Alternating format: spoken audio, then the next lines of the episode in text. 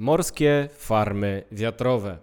Temat, który miał początek w Polsce kilka lat temu i końca nie ma. Z tego względu, że jest to kolejna technologia w energetyce fascynująca, która będzie miała różne iteracje, różne nowe rozwiązania i zaczniemy od początku, czyli od tego, że Polska chce mieć tych elektrowni e, wiatrowych na morzu dużo, a pójdziemy daleko w przyszłość w różne nowoczesne technologie, a wszystko dzięki Jackowi Perzyńskiemu, który dzisiaj ze mną, czyli z Wojciechem Jakubikiem, zaprasza do spięcia biznesalert.pl.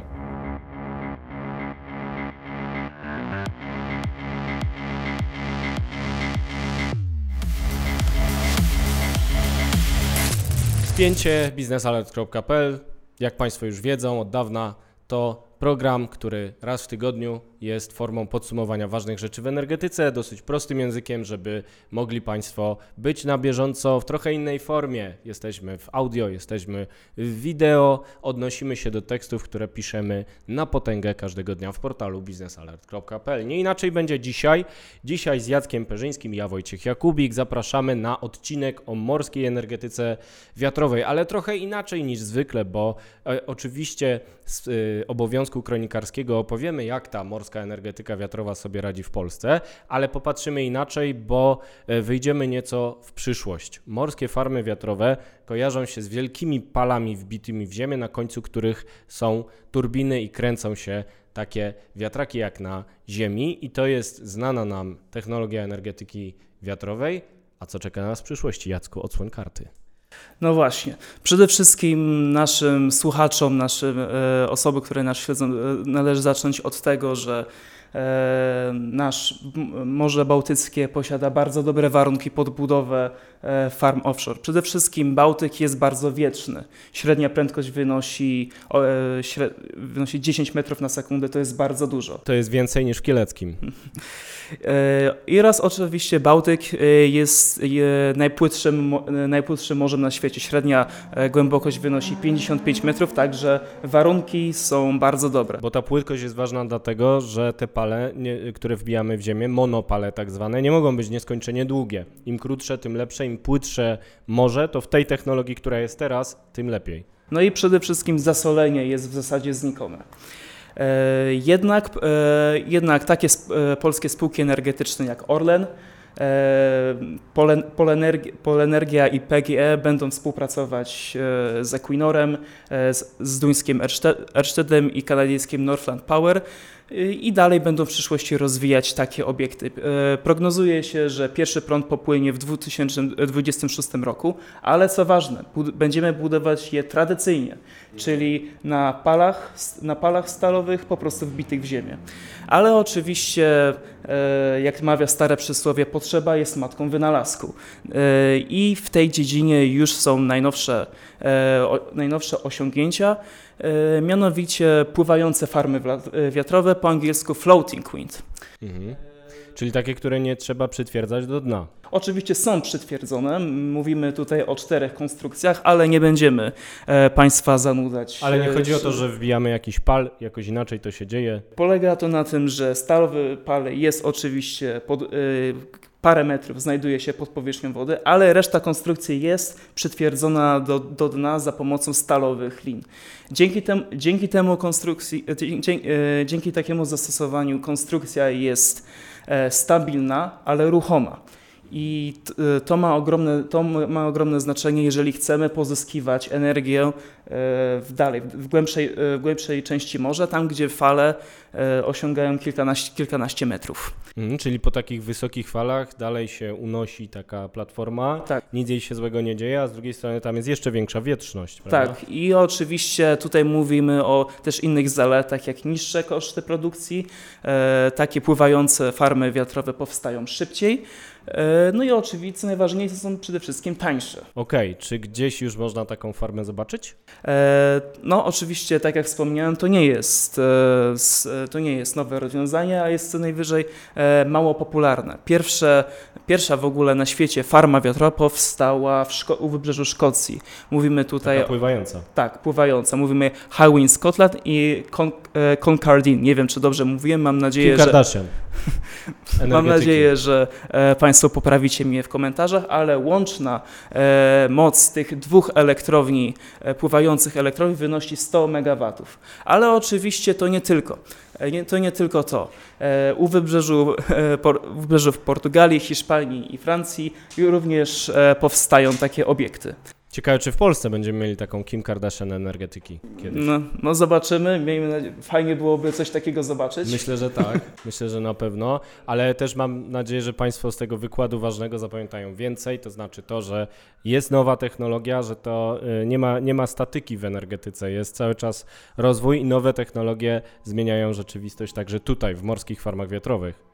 I to nie wszystko. To oczywiście nie wszystko. Patrząc, musimy patrzeć dalej. Mamy, tak jak my obserwujemy e, rozwój branży offshore, za parę lat będzie on zupełnie inny niż on ma miejsce teraz.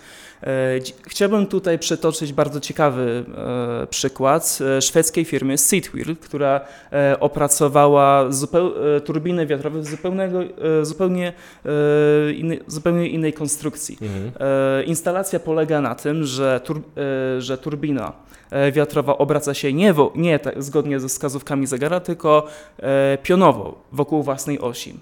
Mniej więcej, mniej więcej Tak, w takim ruchu. Nie w ten sposób, tylko tak. E, Dlaczego takie jest dostosowanie? E, Patrząc na zalety morskich, pływających morskich instalacji, mówimy, mówimy o narażeniu na silne, na sil, silne wiatry. Mhm. Przede wszystkim taka konstrukcja jest jeszcze bardziej wytrzymała, jest łatwiejsza w instalacji na, na, na, na głębszych, e, na większych głębokościach.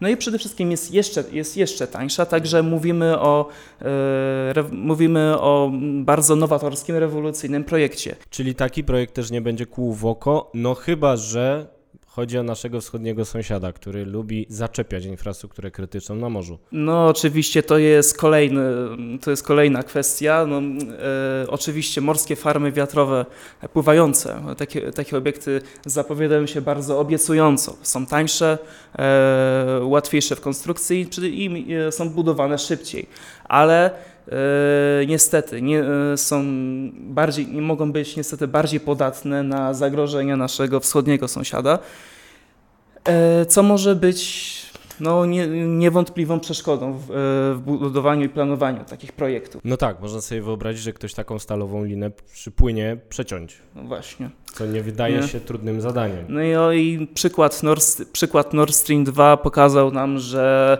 Rosjanie, być może Rosjanie, Nie wiemy, nie wiemy, czy to oni, tak? mogą, mogą być do tego zdolni.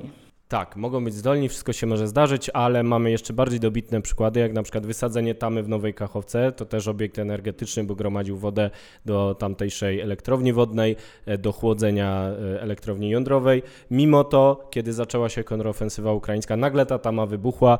E, W komunikacie ze szczytu NATO mamy informację o tym, że NATO uznaje, że to była sprawka Rosji, więc nawet jeżeli dalej spieramy się, kto wysadził Nord Stream 1 czy 2, e, czy jest to dowód na to, że Rosjanie zagrażają takiej infrastrukturze, to spójrzmy na Ukrainę i e, naprawdę kilometry linii przesyłowych, ropociągów, gazociągów, e, innych elementów infrastruktury zniszczonych przez Rosjan. Więc jak będziemy sobie budować te pływające farmy wiatrowe, musimy pamiętać także o bezpieczeństwie, ale miejmy Dokładnie. nadzieję, że jak one wejdą, bo jest tu jakiś horyzont czasowy? Jeśli chodzi o Polskę i pływające farmy wiatrowe, to polskie spółki energetyczne obecnie wyrażają zainteresowanie takim projektem, ale do tej pory żadna z nich nie przedstawiła e, jakichś konkretnych planów. Jeszcze odnośnie e, szwedzkiego wynalazku. E, pionowe, e, pionowe turbiny wiatrowe jeszcze e, nie są do końca, termin wejścia w życie w taki, e, takich urządzeń nie jest jeszcze dokładnie sprecyzowany, ale naj, najprawdopodobniej będzie, będą miały one miejsce na Morzu Północnym. Ale kiedy? Nie wiadomo. Nie wiadomo. No, miejmy nadzieję, że jak już będą się pojawiać na morzu, to już dawno Rosjanie przegrają wojnę na Ukrainie. Jeszcze pewnie długo będą płacić e, reparacje za nią, oby tak rzeczywiście e, było. A wracając do e, historii współczesnej, a e, nie tego, co może się wydarzyć w przyszłości, warto podsumować, że mamy te firmy, które chcą budować morskie farmy wiatrowe w Polsce. Na razie raczkujemy w tej sprawie, bo miałem okazję widzieć w Danii największy port budowy morskich farm wiatrowych, czyli port instalacyjny Esbjerg e, w Danii. E, Ów port zatrudnia kilkadziesiąt tysięcy ludzi w, na miejscu i w różnych branżach towarzyszących. Są tam składane te farmy wiatrowe, są tam wytwarzane turbiny do farm wiatrowych, łopaty. To wszystko tam leży i daje gospodarce solidny napęd. U nas jeszcze tego nie ma. Chcieliśmy mieć port instalacyjny w Zatoce Gdańskiej, z tym, że wpisaliśmy do krajo- go do Krajowego Planu Odbudowy, który nie jest realizowany w Polsce, więc nie mamy tego dofinansowania. A zatem firmy, o których wspominałeś Jacku, czyli Orlen i PG wzięły sprawy w swoje ręce. Jedna firma ma mieć port instalacyjny w Świnoujściu, Orlen zatrudniać kilkaset osób.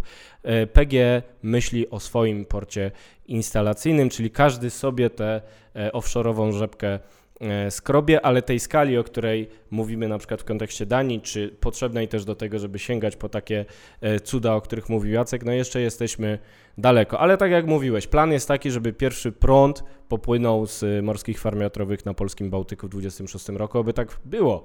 I co? Myślę, że na ten moment to tyle, ale zapraszamy Państwa do dyskusji na temat morskich farm wiatrowych. Czy to dobra technologia, niedobra? Może Państwo słyszeli coś więcej o tych innowacyjnych rozwiązaniach, o których dzisiaj sobie krótko porozmawialiśmy. Zapraszamy do dyskusji w komentarzach, a następne spięcie już za tydzień.